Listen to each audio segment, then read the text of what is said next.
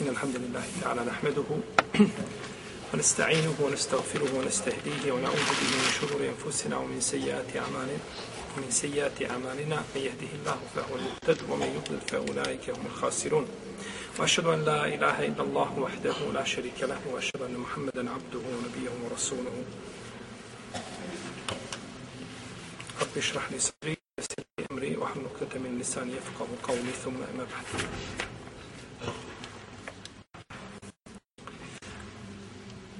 Došlo je u dva sahiha da je poslanik sallallahu alaihi wasallam rekao nakon što je vidio čovjeka u safu da je isturio svoja prsa naprijed. Kao Rasulullah sallallahu alaihi wasallam da tu se unne sufufekum au le juhalifen Allah ili ćete poravnavati safove ili će Allah razjediniti vaša srta. Ovaj hadis, a i brojni drugi u ovome i sličnom kontekstu na obavezu s jedne strane i na vrijednost poravnavanja safova sa druge strane. A poravnavanje safova ima više svojih oblika i nijansi. Jedan od načina poravnavanja safova jeste da safovi budu blizu jedan drugog, da safovi ne budu daleko jedan od drugog.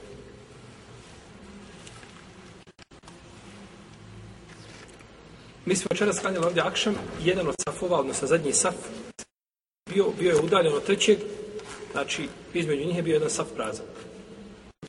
Klanjači stave jakne iza sebe. Što je naravno pogrešno. Ti si dužan jaknu odložiti na mjesto koje je propisano ili da je staviš ispred sebe, a ne da je stavljaš iza sebe. Pa na takav način ljudi se udalje od safova. Poslanik sa osam kaže od iskoga bilježi imame Budavud, Ibn Mađe i bilježi ga također Ahmed. Kaže se u sufufekum vokaribu bejneha. Ispravite safove i zbližite ih. Zbližite safove. A udaljavanje jednog u drugog safa, to je znači neispravno. To nije uputa poslanika, sallallahu alaihi wa sallam, to je, to je ovaj, pogrešno. I tretira se od neupotpunjavanja safova. Ne kažemo ono što ljudi kažu, ovaj Allah ne gleda u krivi saf. Kao je rekao ovaj poslanik, Allah ne gleda u krivi saf. To nije hadis. To nije hadis poslanika, sallallahu Allah ne gleda u krivi saf. To je izreka, ali hadis kao hadis poslanika, sallallahu nije u tom kontekstu došao. Allah ne gleda u krivi saf, ali jeste došla naredba u popunjavanju safova, ispravljanju safova, to je dovoljno. Pa je obaveza, znači, zbližiti safove i upotpuniti, a nikako udaljavati. I stoga su hanefijski učinjaci kazali da kada bi između imama i safa bila bio put ili rijeka, da, tak, da takav namaz ne vrijedi. Imam s jedne strane rijeke, pobjegao džemata, hoćemo klanjati Efendija, kaže, hoćemo, ali vi tamo, ja vamo. Zajedno nećemo. Ja se vas bojim. Dobro kažu, i kam, oni prouči i kamet, Efendija stane na jedne, s jedne strane rijeke ili puta, oni s druge strane, ne vrijedi tako. Moraju biti zbliženi. I zamisli kakav je to džemat gdje je znači, svaki saf udaljen od drugoga, znači to ukazuje na razjedinjenost jednog džemata, nikako na njihovo, znači, ovaj, na njihovo jedinstvo. Pa voditi račune o safovima je obaveza i to pitanje, znači, neporavnavanja safova, nevođenja računa o tom pitanju pojavilo se u, u ranoj historiji islama, neposredno nakon zore islama. U vrijeme ashaba. U vrijeme, znači, poznijih ashaba, Enes Ibn Malik kaže, mi smo, kaže, u vrijeme poslanika, sa osam spajali rame s ramenom i stopalo stopelom klanjača pored nas. Kaže, kada bih tako danas uradio nekome od vas, vidio bih ga kao uznemirenu mazgu u namazu. U vrijeme čega? U vrijeme Tabina, Enes ibn Malik, je umro 93. hiđarske godine. Iste godine kada je rođen Malik ibn Enes. Imam Darul Hidžra. Kaže, ja bih vas vidio kao uznemirene mazge u namazu. Tamo je li govori za koga? Za Tabina. Šta mislite onda kako je stanje u, u našem vremenu? Jer kod nas čovjek kad dođe u namaz, on će da se osjeća komotno, slobodno, jeli, ovaj, što je pogrešno, čovjek u džami ima prostora onoliko koliko ima klanjača. Što se god više džamija popunjava i tebi se prostor tvoj stješnjava. Pa će ponekad biti da imaš prostora samo koliko je stojiš, stopalim. A nikako znači da ovaj, ljudi se osjećaju slobodno i komotno u smislu da se ne poravnavaju safovi, to je pogrešno i o tome treba voditi računa. I svako je dužan, znači, da vodi brigu o sebi na mjestu gdje stoji, je li saf upotpunjen, može li još neko stati pored njih i slično, slično tome. Dobro, mi smo u našem zadnjem predavanju stali kod pitanja el-li'an, je tako? Pitanja proklenjanja. El-li'an je udaljavanje nekoga od Allahovog rahmeta, od njegove milosti, te barake o To je značenje, jezičko značenje, a udaljavanje od, od, od, ne mora biti od milosti Allaha ovdje u jezičkom značenju, može od dobra bilo kakvog. Udaljavanje znači čovjeka od bilo kakvog dobra.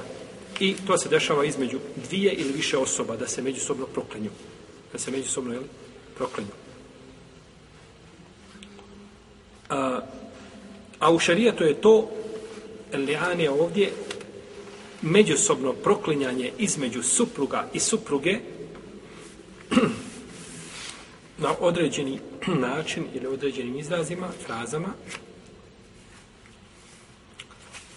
tako da se suprug zaklinje da je vidio svoju suprugu da čini nemoral, a ona to poriče. I proklinjanje je stvar koju treba dati šerijatsku dimenziju. Ne igrati se sa proklinjanjem. Znači, proklinjanje, ljudi proklinju danas, znači, a, sami sebe. Proklinju druge. Bilo muslimane, bilo nemuslimane. Pojedinačno. To sve, znači, propisi, odnosno, to sve zabranjene stvari i može samo šteta biti od njih veća nego, nego korist. Pa čovjek ne smije proklinjati jednu osobu, individu, nikako. Bio on musliman ili nemusliman. Neka ne proklinje individu čovjeka kao jedinku, ne. Može proklet, da proklinje nepravednike. Allah prokleo nepravednike. Allah prokleo nasilnike. Allah prokleo nevjernike. To mu je dozvoljeno. Ali mu nije dozvoljeno da proklinje jednu osobu, znači, zato što ne zna kakav će rezultat biti, odnosno kakav će konačnica biti te osobe možda bude negdje ambasador islama, tako, predstavnik islama, nakon što ga neko proklije.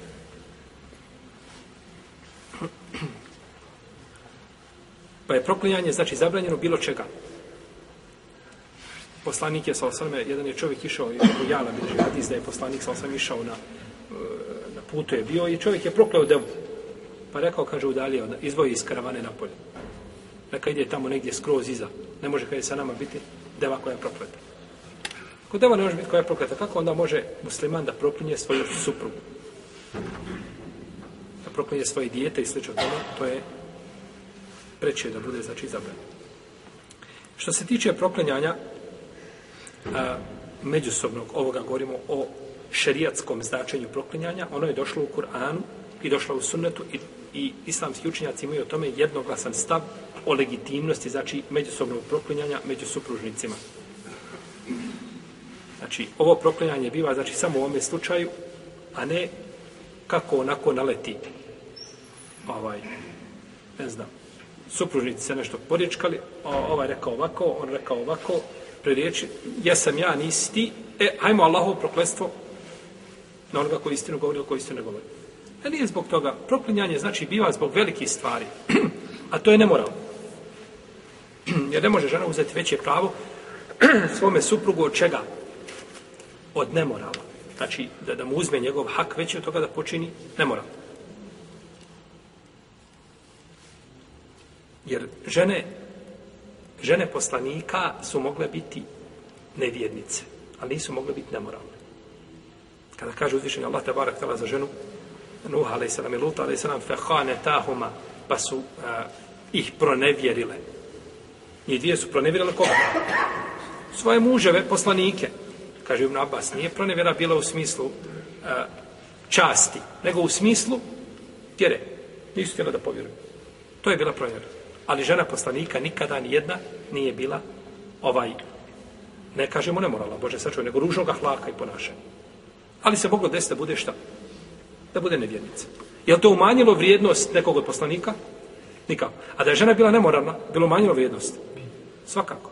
Stoga uzvišen je Allah nije dozvolio, znači, da žene nikoga od poslanika budu šta? Nemoralne. Pa, znači, proklinjanje biva samo zbog velikih, krucijalnih stvari, znači, od kojih ovisi, znači, opstanak, jel tako, jedne bračne veze, odnosno gdje se uzima pravo muškarca, jeli, u svakom, u svakom pogledu. Uzvišen je Allah tabarak tala kaže u Kur'anu وَالَّذِينَ يَرْمُونَ أَزْوَاجَهُمْ هُنَمْ يَكُنْ لَهُمْ شُهَدَاءُ إِلَا أَنفُسُهُمْ فَشَهَادَةُ أَحَدِهِمْ أَرْبَعُ شَهَادَةٍ بِاللَّهِ إِنَّهُ لَمِنَ الصَّادِقِينَ وَالْخَامِسَةُ أَنَّ لَعْنَةَ اللَّهِ عَلَيْهِ إِنْ كَانَ مِنَ الْكَاتِبِينَ A oni koji budu optužili svoje žene za nemoral, a nemaju svjedoke osim sebe, samo je on vidio. Ušao u kuću i on vidio. Kaže, jedan od njih će posvjedočiti četiri puta da istinu govori, a peti put da je Allahovo prokletstvo na njega, ako je neistin, tako laže. O anha anhel azabe en tešhede erba šahadatin billahi innehu lemin al kazibin. O lehamisete enne gadab Allahi alejha in kane mine sadiqin. A ona će biti sačuvana kazne ako posjedoči četiri puta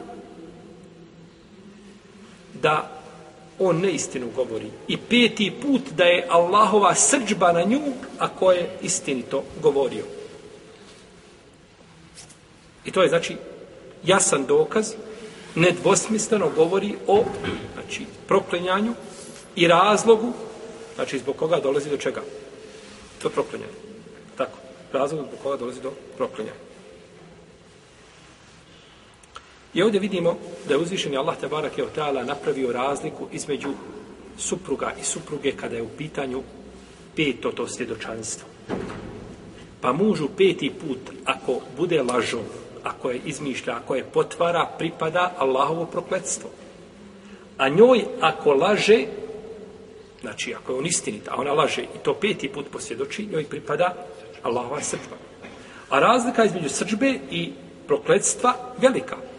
Jer sržba Allahova ovaj, može jednoga dana da se je tako, da se anulira, da uzvišeni Allah zove oprosti rob, ali koga uzvišeni Allah prokune, znači proklinjanje je a, udaljavanje od, na, od Allahove milosti za uvijek. Kada kažeš nekome, njemu kažeš, Allah te prokleo, znači Allah te vječno ostavi u džehennemu, to je značenje riječi. Nikada ne, išao iz, ne izišao iz džehennema. Pa je, budući da je on došao, iznio potvor. Želi da osramoti ženu, izoseći potvor. I dos, došao u, odno, u osnovi sa velikom laži i potvara čednu ženu, za to zaslužuje Allahovo prokletstvo.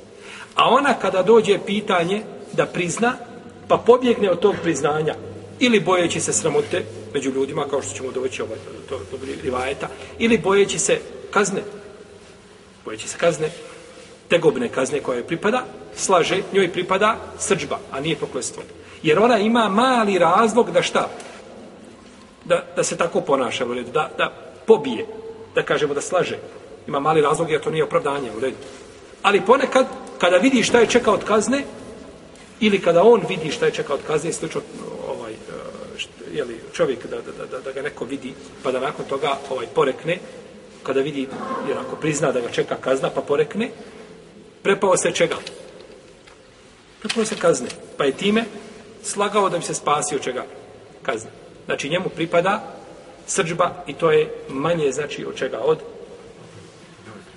od prokletstva. Ne govorimo ovdje, govorimo ovdje općenito znači osobi koja bi znači ovaj a, jeste u ajetu je došlo znači da njoj pripada je li šta? Srđba ako ako znači a, kaže da je neistinu govorio, a on u stvari Istim rekao. Imamo hadis koga bileže Buharija i muslim i drugi od Sahla ibn Sada i Sa'idija radijallahu anhu da je Vojmir došao kod Asma ibn Adija a on je bio od predvodnika prvaka Benija Žlana pa mu je rekao, kaže, kako bi, vi, kako vi, kako bi vi postupili sa čovjekom koji e, optuži svoju suprugu da je počinila nemoral. Nađe je sa nekim, pa je optuži, kako bi vi postupili? Hoće li ga, kaže, ubiti, pa onda vi ubijete njega? Ili kako ćete uraditi, kaže, pitaj mi poslanika, sallallahu alaihi sallam. Pa vidimo da nije u prisustvu koga? Poslanika, sallallahu alaihi nije tražio fetvu od, od ashaba, jako bitno. Pitaj mi poslanika, sallallahu alaihi sallam. Znači da upitamo za, za fetvu. Pa je došao Asim kod poslanika, sallallahu alaihi sallam, Asim ibn Adi, ili tako, ashab. Znači, kod ravija koji zovu Asim ima problem izrazita većina ravija koji zovu Asim su daif. Tako zove Asim, ko prenosi hadis, dok je Asim, odma kod Asima zastani i provjeri ga, jer neki kažu da nema a Asima ravije koji je vjerodostojan, koji je, koji je pouzdan, a neki kažu imaju, ali mali broj njih mogu proći slično tome, uglavnom, kod Asima treba biti, šta? Oprezan, u redu. Govorimo Asimu raviji, nemoj imaš komšiju Asima i šta god Asim kaže, ti ideš provjeravati. Mi smo to mislili. To Za, govorimo za Asim koji su Asim ravija. Kao ravija, kod Asima ima problem. Dobro. Pa je Asim ibn Adi došao i šta? Kod poslanika, sa osanime, i pitao za fetvu kome? U Ajmiru. Pa je poslanik, Salasane prezirao takva pitanja. I osudio i nije htio odgovarati na to. Jer to su bila a, pitanja, znači o kome još ništa nije objavljeno. I tada je poslanik Salasane ovaj, znači nije odgovorio mu na to pitanje. Pa je došao, jer nije to bila pojava, reći među sahabima koja je bila ovaj, česta. To se dešavalo u iznimnim situacijama, da uzvišeni Allah zelo dokaže da ashabi nisu bili nepogrešivi. Oni nisu bili poslanici ni meleki. To su bili ljudi, mogla se desiti greška, ali te su greške bile iznimne, znači mogu se prebrojiti na prste jedne ruke ili manje od toga, znači od problema u tom smislu koji se dešavali. I to su znači bile ovaj iznimke. Da tako? Za razliku od onih koji kažu ovaj, ili društvo ashaba je bilo ovako i onako. Pričaju da ono nisu izučavali siru ashaba, pa ne znaju ništa o njima, nego su našli ovako nekakve iznimne, znači slučaje koji se desili, na osnovu njih sude. Na osnovu njih, znači, sude. Kaže, ashabi se nisu budili osim džunup. Taman da je tako, oni su prave muškarčine, oni su muškarci. Dokazuju svoju muškost a dokazali su je na bojnom polju, a dokazali se kad je trebalo pomoć poslanika i kad je dokazali kad je trebalo pomoć siromaha i dokazali su je kada je trebalo biti dobročiniti prema komši, u svakom slučaju su dokazali svoju muškost. Pa na kraju krajeva i time što se budu uvijek kao džurup. Što nije tačno, naravno. Ali eto, da im udovoljimo opet ovaj, samo se doče protiv sebe. Dobro. Šta kaže poslanik Osame? Nije znači odgovorio pa je kaže u Vojmir tako mi Allah kaže doći aj pitati poslanika odo ja sobom pitati odo ja da ja čujem znači i ovo je bila praksa ovaj eh, eh, uh, uh, jeli, kroz, kroz generacije znači da su uvijek ravije voljele da pitaju znači oni koji su čuli znači od jeli, od direktno i da im bude taj put do fetve što znači što kraći. Hasan ibn Atije poznati poznati uh, tabin kako bilježi imam Darim u svome sunenu, u uvodnom dijelu svoga sunena bilježi, kaže, mi bi slušali hadise od ljudi koji su čuli od, od ashaba. Tabini čuli od ashaba, kaže, kod nas tabini povjerljivi, kaže, nećemo da ih prihvatimo, nego odnosno direktno da slušamo od ashaba, je to tako kao što su kazali. Iako nema smetnje, znači čuti od tabina, u tom slučaju da tabin prenosi od tabina, hadis u tome nije problematično, je tako? Hadis da je kul huvallahu trećina Kur'ana prenosi sedam tabina jedan od drugog. Pa tek onda ide ko? Tabi tabi. Sedam tabina prenosi, ne, nije problem da su u jednoj generaciji slušali jedan od drugoga, to nije sporno. Ali su uvijek nastojali da im lanac prenosanca bude šta? Što? Što kraći.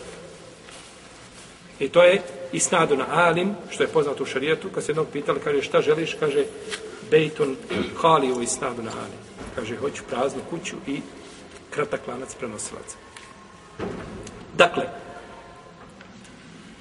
Pa je poslanik sallallahu e, došao mu u Emir, putio se direktno da pita poslanika sallallahu alejhi znači o ovom pitanju. Kada je došao i pitao ga Allah poslaniče kaže šta kažeš o čovjeku koji optuži svoju suprugu za nemoral? Pa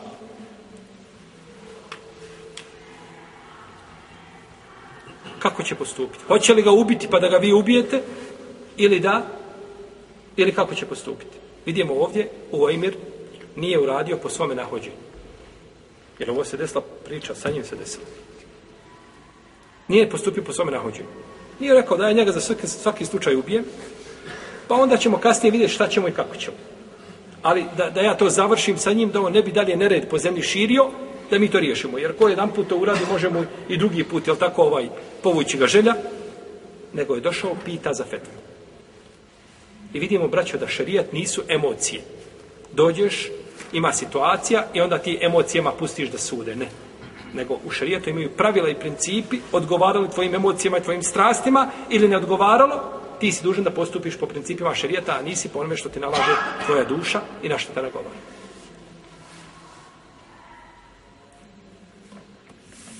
Pa mu je rekao poslanik sa osaname, kaže, Allah je objavio u pogledu tebe i tvoje supruge ajete. Došli su ajeti, desio se slučaj, i nakon toga uzvišen je Allah tabarak tala objavljuje ajete kao propis koji vrijedi, znači, pa je rekao poslanik sa osrme da trebaju da se međusobno, znači, prokunu, kako je došlo u Kur'an. Pa je rekao, Allahu poslaniče kaže, ja koje zadržim pri sebi, onda sam je, kaže, nepravdu učinio onda sam je nepravdu učinio, pa je razveo je. Pogledajte ovoga ashaba, subhanallah, ovo imira. Kaže, ja, ako zadržim je pri sebi, ja sam joj nepravdu učinio. Pored toga što je žena ga prevarila, on ne želi da bude prema njoj šta? Nepravedan. Jer pravda je da budeš pravedan prema onome koje je prema tebi nepravedan komšija, majka, otac nije bito, brat, sestra, prema tebi uvijek pravedan. I dođe slučaj i ti presudiš ili budeš prema njemu pravedan. Nisi ti pravedan prema njemu, to je bila tvoja dužnost i moralna i ljudska i vjerska i bilo kakva. Zato što on, on, on, je, on je tebe zadužio svojim dobročinstvom i svojom pravdom da budeš pravedan prema njemu. Nego pravda je da budeš pravedan prema čovjeku koji ti nepravdu čini. To je pravda. To je kulminacija pravda. Pa kaže, u emir Allahu poslanič, ja koje zadržim, ja sam nepravdu učinio. Hoću li da je razvedem, pa je razveo. Pa je to bio sunnet nakon toga i praksa da se supružnici, znači ako dođe do toga, proklinjali, znači kroz historiju Islama, jel? Ako se to de, de, dešavalo, bila je to znači praksa među ljudima. E, poslanik sal sam rekao, kaže, pogledajte, kaže, kada rodi dijete. Ako ga rodi da ima krupne crne oči i da je krupne stražnice i debelih oblih cjevanica ili nogu. Kaže, u je, kaže, tada rekao istinu. A ako kaže dođe da je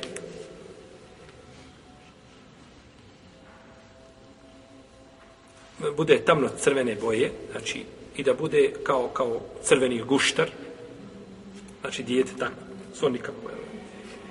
Kaže, onda mislim da je u kaže, slagao.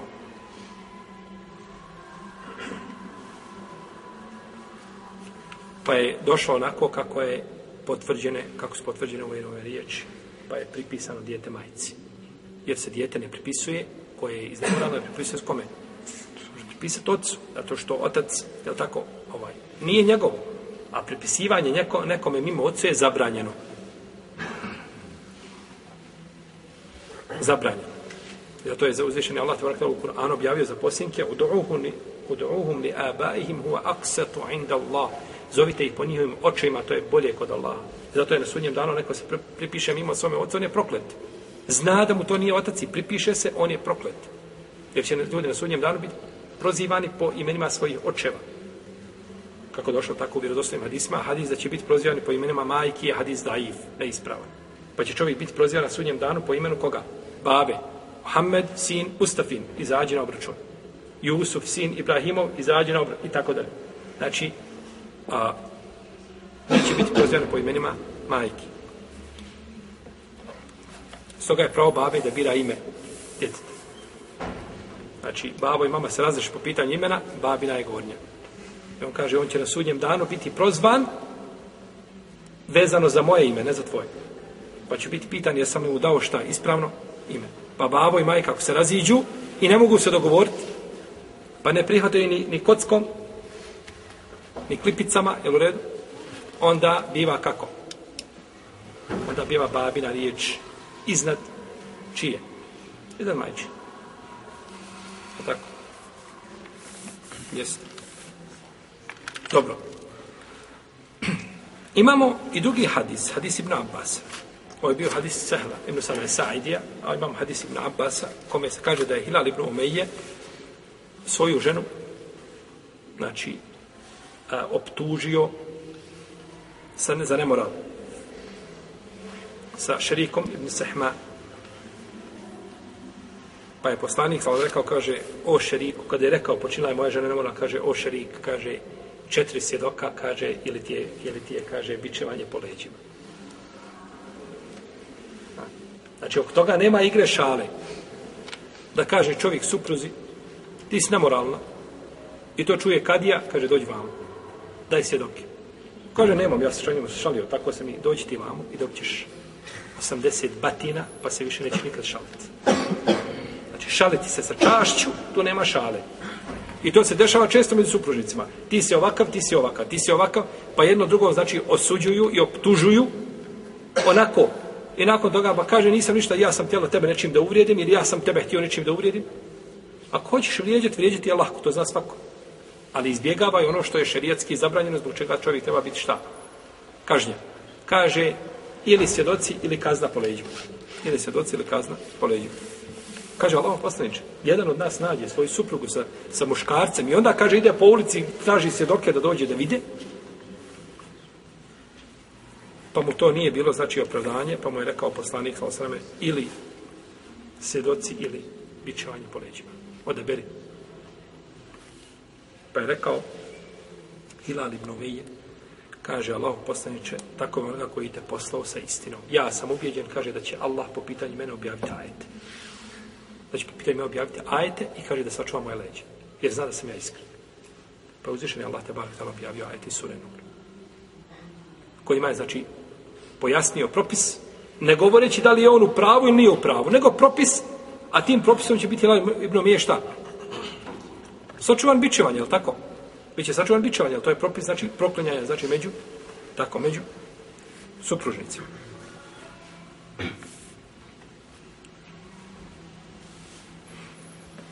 Pa je tada došao Džibril, ali svema poslaniku, sa svojim ajetima, pa ih je proučio. Pa ih je proučio. Ovo je naravno, ove dvije priče, sada će neko piti kako su došli ajde, su došli ovdje ili ovdje, zbog čega su znači došli ajeti, kako su došli. Ovaj, ponekad islamski učenjaci kažu da se po određenim pitanjima može, može biti, da može određeni ajet biti objavljen povodom više događaja. Pa znači postoji mogućnosti događaji bili ili blizu ili slično tome, pa da je, pa da su došle, znači, radi oba dva, znači, slučaja. Pa je rekao poslanik, sallallahu sallam, pozovi svoju supru. Pa je došla, pa je rekao poslanik, sa osam, kaže, uzdišen je, Allah zna da jedno od nas dvoje laže. Ne može biti oba dvoje, znači, ona poriče, on potvrđuje, jedno od vas dvoje laže, kaže, poslanik, sallallahu alaihi wa sallame,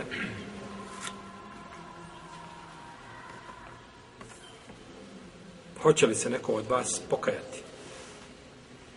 Pa su nastavili dalje, pa je on izazvao Allahov prokletstvo na sebe i ona na sebe. Pa kad je bila kod petog šehadeta, ona da je Allahova srđba na nju, ako on istinu govori, rečeno je ovaj sada šehadet peti je obavezujući. Nemoj se igrati. Bolje ti je da kažeš istinu, ako nije drugačije. Pa kada je krenula, znači da progovori, kao da je ustuknula, kao da je okljevala da kaže to. Pa su pomislili da će se pokajati, da će kazati u pravu je. Pa je kazala la eftahu qaumi sa'iran jaum. Neću, kaže, sramoti svoj narod cijelog života. Pa je izazvala Allahu srđbu na sebe. I tako je ostao, znači, propis. I tako je, znači, prošlo, pa je rekao poslanik, sallallahu alaihi wa sallam, kaže, vidite, kaže, ako dođe sa djet, djet, djetetom koje ima e, oči koje su kao da su surmom namazane. I ako dođe krupne stražnice i debelih oblih nogu, kaže ono je od šarika Ibnu Sehmana. A ako dođe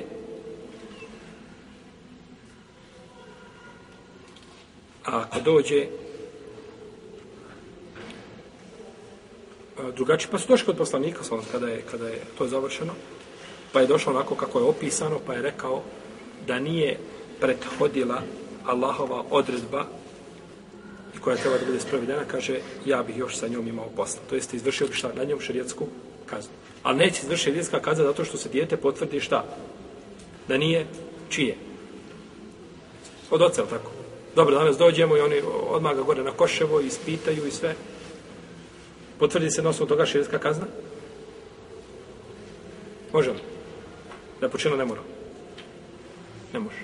Priznanje ili svjedoci. Priznanje ili svjedoci.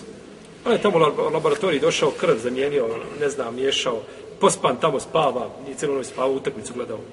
I on tamo nešto pita, kaže, jeste, kaže, ajde, ubite. Tako se igra sa ljudskim životima. Ne, ne. Ima priznanje, ako prizna, to je poglavar, je tako dokaza. Arapi kažu, ali akerafu, se idu dille. Priznanje je poglavar dokaza. Kad priznaš, gotovo je više. Ili da su svjedoci vidjeli. Znači, nema se tako igrati sa ljudskim životima i sa čašću ljudi, znači na način da to bude podijel nekakvim ovaj pretpostavkama i sveća tome, nego ima, znači, samo da bude ili priznanje ili da vide svjedoci. Iako kada bi priznala osoba nemoral, pa nakon toga porekne samu sebe. To je osoba i prizna pred kadijom ja sam počinila nemoral. I nakon toga kada da izvršio, izvršio kaznu, kaže nisam. Pa dobro, jesi ili nisi? Kaže nisam. Ispravno je mišljenje da se neće izvršiti kazna na njegu. Iako je prije toga rekao, jesam, sve dogo, jesam, potpiši, jesam, evo, potpisujem da jesam. I nakon toga kaže nisam. Jer mi kada smo pristupili da izvršimo šerijetsku kaznu nad njim, pristupili smo na osnovu čega? Na osnovu njegovog priznanja. On isto to priznanje, taj koji je priznao, on ga sada negira. Postoji li mogućnost da laže? Postoji. Postoji mogućnost da istini? Postoji to. I zato kada je Majins, kada su mu iskopali rupu i počeli ga udarati kamenjem, kaže, vodite me poslaniku, sal sam. Kaže, nema ništa, sa završeno, gotovo. I dalje ga, dok ga nisu, dok ga nisu, znači, ubili kamenovanje. Kaže, nakon toga poslanik, kaže, što mi ga niste doveli? Što mi ga niste doveli?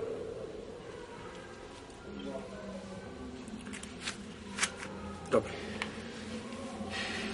Ibn Hajar navodi u svom dijelu Fethul Bari i drugi učenjaci konsensus učenjaka o ovom pitanju. Znači da je proklinjanje međusobno i supružnicima legitimno šerijatom i da u tom kontekstu znači nema nikakvih razilaženja među učenjacima.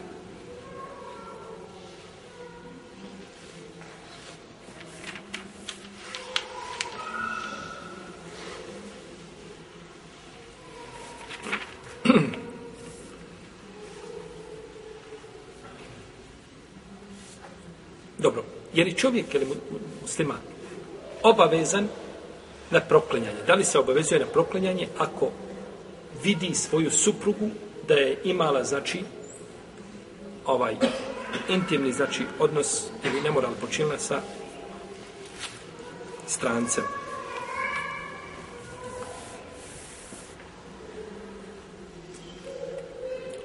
Ako se to desi, obaveza je čovjeku da traži ovo proklinjanje, jer prvo što ne treba musliman da ostane s takvom ženom u braku. Jer imate ljudi koji se zalijepi za ženu, kao da ni, nigdje na Dunjaluku nema žene nego ta. Ha. Fatima je sama žena na Dunjaluku, nema drugih žena nigdje. Šta god da radila, njoj se progleda kroz prste.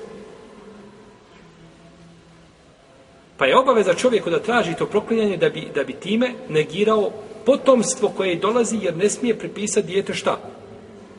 Ne smije pripisati dijete sebi. A ako to ne traži, ne bude ga proklinjanjem, znači zahtjevao, onda to ostaje, znači, dijete da je pripisano njemu što je zabranjeno. A zna da nije njegovo, da nije imao nikako, znači, intimni odnos sa ženom, ili da bude rođeno sa manje od šest mjeseci kako je sa njom. O tako? ženio se čovjek i rođeno, znači dijete prije šest mjeseci, prije, kažu neki učenje da je šest mjeseci najmanji taj rok kada dijete može biti rođeno. Ja ne znam kako je medicinski, što medicina kaže. Uglavnom, ovaj, da bi dijete živjelo, da bi opstalo, da bi se formiralo, znači dijete, gdje bi moglo živjeti, treba da bude najmanje, znači, staro šest mjeseci.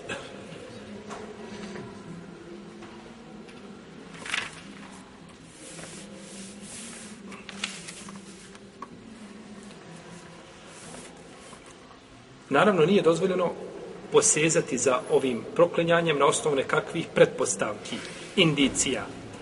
A, nešto se desilo, ovaj, postoji mogućnost da se toga nekakav zaključak izvede, to je zabranjeno.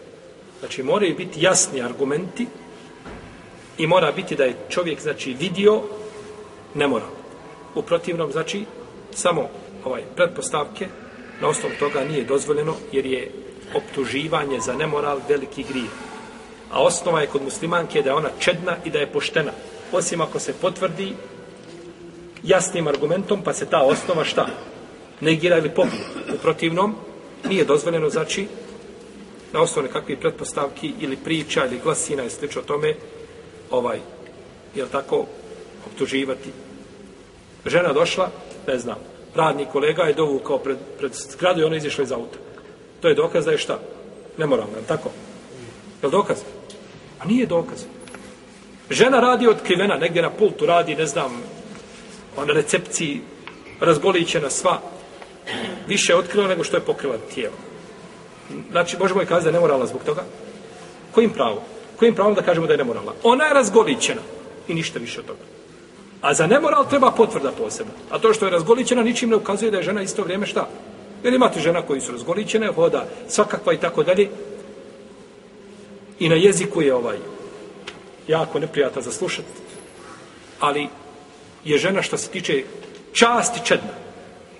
Ne dozvoljava znači nikome da joj priđe u tom jeli, smislu. Da, da bi počinila sa nekim nemoralnim slično tome. Pa ne smije se znači optuživati osoba na osnovu ovaj nekakvih ovaj jeli, pretpostavki ili stvari koje ne mogu biti znači argument u tom pogledu. Pa Kada bi se, ne daj Bože, čovjek nešto desilo, treba znači da smirano da stvari provjeri i da vidi, a nikako znači da žuri sa optužbama, jer ovaj ponekad može biti ovaj određena stvar, može biti dozvoljena za, za ženu za, da ne zna i slično tome, da, da je rod po mlijeku, slično tome, može se dešavati, pa ne treba znači žuriti sa osudama. Došao si, ne znam, došao je od, od majke, Dajđa došao i zagrlio tvoju ženu i poljubio je. I ti odma gotovo, ovo je završeno. Kako, se može, kako može poljubiti, ali kako je može poljubiti, ali tako dajđe od majke? A ne znaš da je dajđe od majke i njoj dajđe isto vrijeme. A kako je majci dajđe, tako i njoj. Jer sve što je zabranjeno majci, zabranjeno i kćerci. Pa treba poznati, znači, propis, ili treba se uvjeriti u propis prije nego što se pristupi osudi ili čemu ili poduzimanju nekakvih konkretnih koraka u smislu rastave ili ovaj i slično tome.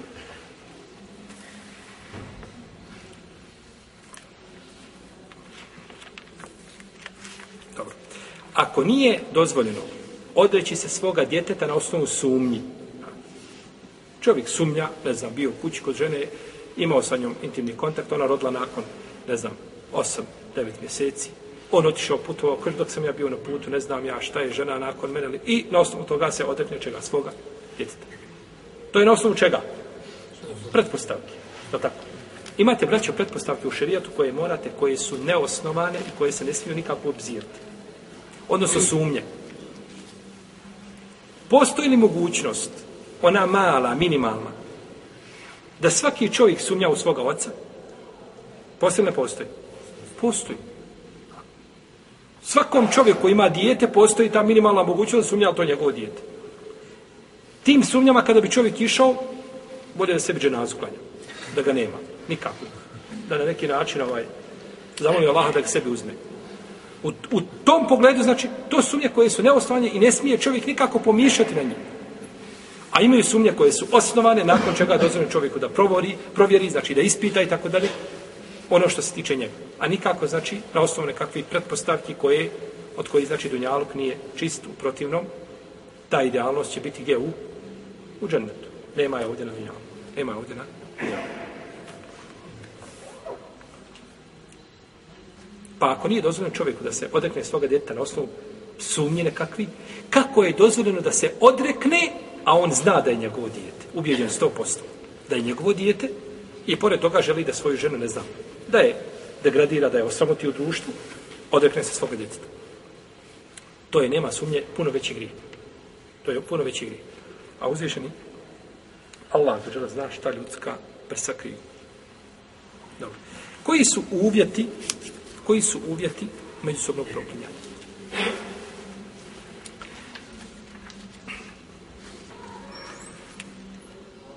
Što se tiče supruga, on ima uvjet da nema, znači da nema dokaza. Čovjek nema čega? Dokaza. Jer u ajetu se kaže, oni koji optuže svoje žene za nemoral, a nemaju dokaza osim to što su oni vidjeli. A je njegovo viđenje samo po sebi dokaz? Jeste dokaz za, izvrš, za, za, za proklanjanje, ali nije dokaz za šta? Za, za izvršenje šarijetske kazne. Jer za izvršenje šarijetske kazne trebaju četiri svjedoka. Trebaju četiri svjedoka. Ili priznanje. Odlično. Četiri svjedoka ne mora priznati, znači ako imaju svjedoci. Ako dovedemo četiri pouzdana svjedoka, tama ne priznala osoba, to ne vrijedi. Ne, ne broji se znači nepriznanje. Ili da prizna, ili četiri svjedoka. I to se zato se u historiji islama, neki učenjaci kažu, nije to nikad desilo. Ispravno da se desilo jedan put. Mali vaj, znači da se desilo jedan put, u vrijeme poslanika, sa osrame, a, znači, da su četiri svjedoka potvrdila, znači da, je, da se desio ne mora. Jer to je jako teško. Četiri svjedoka i to nije dovoljno da uđu u sobu i da vide, ne znam, po, po, le, leže u krevetu pod istim pokrivačem. Ne vrijedi. To nije dovoljno. Mora, znači, vidjeti čin nemorala, što je, što je više, ovaj, što je, nije nemoguće, ali djeluje kao nemoguće. Da se vidi čin nemorala. Pogledajte, znači, koliko Islam čuva čast ljudi ovaj, i njihove živote pa da se ne može tek tako otuđiti život ovaj osobe. I to neće naći nigdje u islamu. Samo, is, samo islam vodi računa o ljudskim životima u tom pogledu. I da je ljudski život nešto sveto i da se ne može otuđiti osim kad imaju argumenti jasniji nego kada sunce grije u podne. Sunce grije u podne, u 12 sati, ezan uči za podne. Može li neko sumnjati da, da, da, da, da je dan? Ne bi trebalo tako. Ta, tek se tada može osobi šta? Izvršiti kazna. Evo kazali smo, čovjek prizna, ne mora li nakon toga porekne. Jel to, jel to sumnja? Jel to, jel to jedna zapreka za izvršenje kazne? Yes. Nema izvršenja kazne. To je samo znači kod muslimana i mi se time možemo ponositi.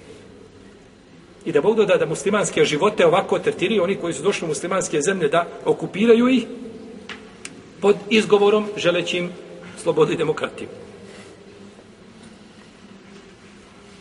Znači, ovo je samo svojstveno muslimanima. Da se vodi, znači, šarijatu poslanika, sa da se vodi, znači, briga o ljudskim, znači, životima. I da bude čovjek kažnjen onako kako treba biti kažnjen. Zločinci radili, klali, ubijali, silovali i dobiju 5, 6, 7 godina zatvora u jednoj od evropskih, ovaj, ne znam, e, evropskih centara, za, u zatvoru, znači, ima grijanje centralno, ima klima uređena. Ima wireless, surfa cijeli dan. Kad mu dosadi, ode u teretan, bilda. Kad mu dosadi, ode na plivanje u bazen. Kad mu dosadi, ode u čitaon, ako zna čitati, jer većina onih koji isto radu ne znaju čitati. Nauče ih, možda ih pouče slovima da znaju čitati. I nakon toga živi tu 4-5 godina i lijepo se ponaša. Kako se nećeš lijepo ponašati kad ti je ljepše nego u Beogradu? I nakon toga dobije pomilovanje, puste ga napolje, vrati se nazad, otišao je sa 70 kila, vratio se sa 120, naučio je gore dva, tri strana jezika, da govori on tako odmah će dobiti negdje u ambasadi, to i gdje je ležao tu, dobit će posao ambasade, da bude prevodioc ili kurir ili nešto slično. Znači, da si ga pita, pitate pola tih tak i takvih. Bili ti išao 5-6 godina ležat gore, nisi nikoga ubio, da ideš ležat da dobiješ ono što ćeš dobiti, ako bi sada idemo odmah. I još našto ako se gore požali, ako zna dobro od glumi, da kaže da se boji vratiti u, u, u zemlju, da ga muslimani ne bi, jel tako, da se ne bi muslimani. Onda kažu, dobro, ako je tako, dobit ćeš i na jazijel kod nas ili državljanstvo. I imali su, znači, neki pravo da nakon odložane kazne da biraju šta? Je tako? Da biraju državljanstvo, znači zemlje ili druge zemlje, već sodno tom sporazumu, gdje će dobiti, znači da ostaje tu.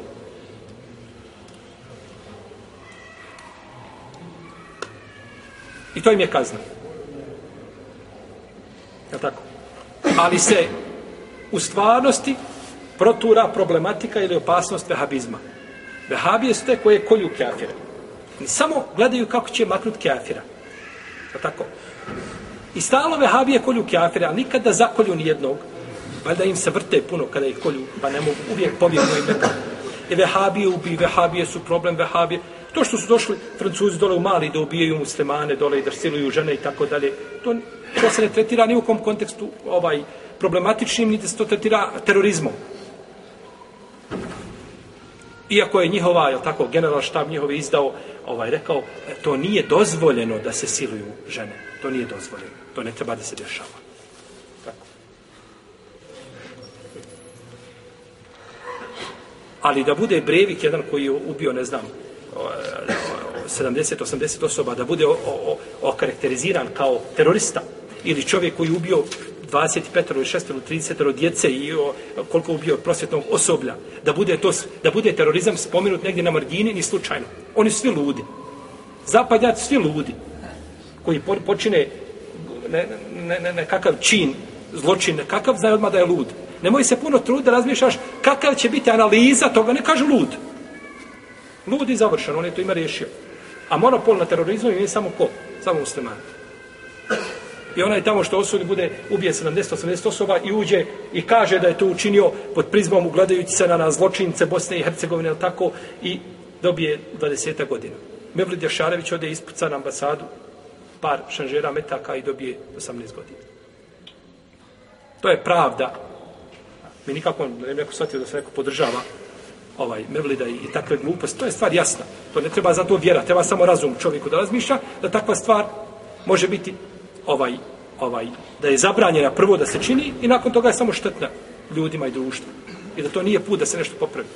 Ali gdje je pravda u kažnjavanju ljudi? U kažnjavanju muslimana i nemuslimana kada učine zločin. Ovaj ubio 80 osoba i ovaj nikoga nije ubio i dobili istu kaznu. To vam je, to, mi, to su vam, znači, ti dupli aršini kada su u pitanju muslimani s jedne strane i to vam je ljudski zakon kada je u pitanju ovaj, a, a, jeli, kada je u pitanje kazne s druge strane. To kazneno pravo je, znači, vezano za prohtjeve ljudi. A nema nikoga od muslimana da više vodi računa o, o, o, o ljudskim životima, bio taj čovjek vjernik ili bio nevjernik. To što je čovjek nevjernik, što kaže da, da je sina, ovaj, Isa, ali islam, sin Boži da je on Bog i tako, to te ne daje nikako pravo da mu činiš nepravdu, a ne kažem ti da mu život otuđiš. Pa je, znači, šerijat o tome a, poveo računa i nema sumnje, znači, da je život čovjeka jedna od pet stvari, oni nužni, zbog koje je došao, znači, šerijat da ih, da ih, začuo.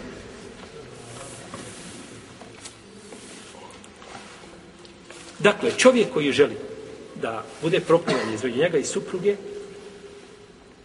neće u tom slučaju imati dokaze. Neće imati, znači, svjedoke. Jer ako ima svjedoke, onda znači, a, bit će izvršena, jeli, bit će izvršena kazna. Pa kad on došao sa četiri svjedoka, onda treba izvršiti kaznu, a ne smije se, znači, neće biti samo proklinjanje. Međutim, čovjek ima svjedoke, ali neće da koristi svjedoke, nego želi da bude proklinjanje dozvoljeno. Jel, je li ovo sad suprot tome što smo kazali prije toga? Nije. Prvi put smo kazali, ako dođe sa svjedocima pred kadiju i kaže ovo su svjedoci, oni kažu jeste, čuli smo, već je pokrenuta šta? Parnica i dokaze o nemoralu protiv žene. Tad je gotovo, nema više proklinjanja. Ali ako on zna da ima četiri čovjeka, ili ovaj, za, za svjedoka. Kaže, neću da mi svjedočite, nego ode traži proklinjanje dozvoljeno. Jer je cilj od izvršenja kazne šerijatske, koja je šta za os osobu oženjenu, za nemoral, šta? Kamenovanje. Ma danas muslimana iziđu na televizije i kažu e, za kamenovanje nema ništa u, u, u, u, ovaj, u Kur'anu, nema o tome nikakvog dokaza i kamenovanje nije utemeljeno u šerijatu. kaže, nije dozvoljeno kamenovanje da se udara osoba, da se glava razbije. Allah ti glavu razbio. Zašto je došao sunet poslanika, sa nego da pojasni općenitost Kur'ana i ulema se složila na propisu. Što se stidiš propisa? Stidiš se zato što će neko gore prigovoriti sa zapada, reći vi ste muslimane, ovaj, vi, vi, vi činite, ovaj, vi ste nasilnici, vi ljude, vi nemate nikakvog srca i tako dalje. Ne, to je propis šarijata, što god da ko kazao, takav je propis šarijata. Kada bi mi svi to osudili, to ne smeta šerijatu, Allahova vjera ostaje postojena do sudnjega dana, on je objavio i mi nemamo pravo, nemamo ti pravo mi učešća. Da mi to mijenjamo, Allah zna šta bi da sad uradilo od, od, od, od vjere. Ne, propis je osoba koja počini nemoral i potvrdi se ili prizna, a bila je u bračnoj vezi, da bude kamenovana. Do smrti, dok duša ne izađe. Propis Allahu spustio ga, ne mora biti propis kao takav u Kur'anu, iako to ima svoju priču i ovaj, ovaj bora, jeli, ajet koji izošao u tom pogledu, e, e šeha tu šeha, a, a, ferđumuhum el bete. Uglavnom, jeli, bitno je ovdje nagovijesti da su došli hadisi poslanika sa tome i da se ulema narazilazi osim onih koji su propuhani zapadnjačkim vjetrovima, pa kad god ima propis u islamu, oni gledaju nekako da to upakuju, da ga približe, znači da svi klimnu glavom da kažu može islam proći. Nama ne treba takav islam. Nama treba islam za kojim je došao poslanik, sallallahu alaihi sallam, i primijenio ga u praksu. A nakon toga, nekako prilagođavanje islama i pakovanje i ovaj oblikovanje kao glinom da radiš pastelinom, to nama ne treba. Nama takav islam ne treba, jer takav islam neće uzvišeni Allah na sudnjem danu primiti. I hvala uzvišenom Allahu za koji je dao da kaže inna nahnu nazelna zikra wa inna lahu lahafizun. Mi smo objavili opomenu i mi ćemo je čuvati. Objavili smo i Kur'an i došla je sunnet, došao od uzvišenog Allaha za i biće sačuvan i Kur'an i sunnet do sudnjega dana. Skoro mi jedan čovjek kaže nešto je radio, ja mu kažem nemoj to raditi, tako nije radio poslanik, sam sam živ bio. Kaže, subhanallah, ovaj, ko da je nama sve prenešeno od Muhammeda, ali sam što je radio. Kaže mu, živ bio, nemoj tako pričati te riječi koje je sekao si jako opasno. Šta? Kaže, pa nije nama sve od poslanika samo ono što je radio prenešeno. Jeste sve. Sve što je radio Allahu poslanik. A treba nam uvjeri, sve nam je prenešeno vjerodostojnim lancima prenosilaca. Nema ni jednog slučaja, nema ni jednog hadisa, ni jedne dove, ni jednog predanja, ni jednog događaja koji se tiče naše vjere i propisa. I mi ga trebamo, a da nije do nas došao vjerodostojnim lancem prenosilaca ili dobri. U protivnom bi bio jedan dio vjere, pa taman mali, mizerni, pod onim znacima mizerni, bi bio šta? Znači ovaj bio bi, ne bi bio potpunjen ne. Sve što je Allah poslanik rekao sa osreme i kazao došlo je do nas znači vjerodostojnim lancima prenosilaca. I zato je sened lanac prenosilaca nešto čime se mi muslimani otakujemo. niko drugi mimo nas. I u to ne treba sumnjati. A kako onda kada dođu krucijalne stvari u pitanje da se znači život oduzme i sveč tome? Ne ne ne. To me pogleda znači imaju argumenti i sunnet. Allahov poslanika sallallahu alejhi ve selleme znači, ja sam. pa čovjek ima ovdje pravo da šta odabere? Ili proklinjanje ili da posluži se sedocima pa da izrešena bude kazna. Jer je cilj od proklinjanja i od izrešenja kazne da se sačuva njegova čast. Da se potvrdi znači njen grijeh, njen nemoral, a da se sačuva znači njegova njegova čast. Pa on ima znači pravo da odabere šta želi. Ali ako digne padicu do kadije, više nema čega. Znate li kada je ona priča bila, kada je došao ovaj, čovjek je spavao na imao je, znači ogrtar spavao na nju, pa je došao drugi, vukao, vukao, vukao, vukao, vukao, i da ga nije izvukao. Kada je izvukao, ovaj go ti. Kaže, dođi sam. Idemo poslaniku, sallallahu Kada je došao kod poslanika, sallallahu sallam, Kaže, ukrao je Allah, poslaniče, tako htio je, jel, ukrao, ja sam ga uhvatio. Kaže, pa kada je spomenuo poslanik, znači, šarijetsku kaznu, cjecanje ruke, kaže, Allah, poslaniče, za, za, pa taj, taj ne vrijedi, ne znam, nešto malo od dirhema. Ja mu je, kaže, poklanjam, ništa. Kaže, što to nisi poklonio kad ga uhvatio? Što ga doveo meni? Gotovo je. Izvršenje kazne. Jer kad dođe do kadije, parnica. Čovjek može oprostiti, komšija mu nešto ukrao, on ga vidio, ima dokaz za to i tako dalje. Nije digao parnicu do kad je ništa završeno. Ali ako digne parnicu do kad je, kad je nema pravo da kaže hoćeš mu oprostiti. Ti mu možeš oprostiti, ali ne smije kadija. Jer sad je došao kadija je namjesnik koji mora znači sprovesti šerijetsku kaznu. Jes. Dobro.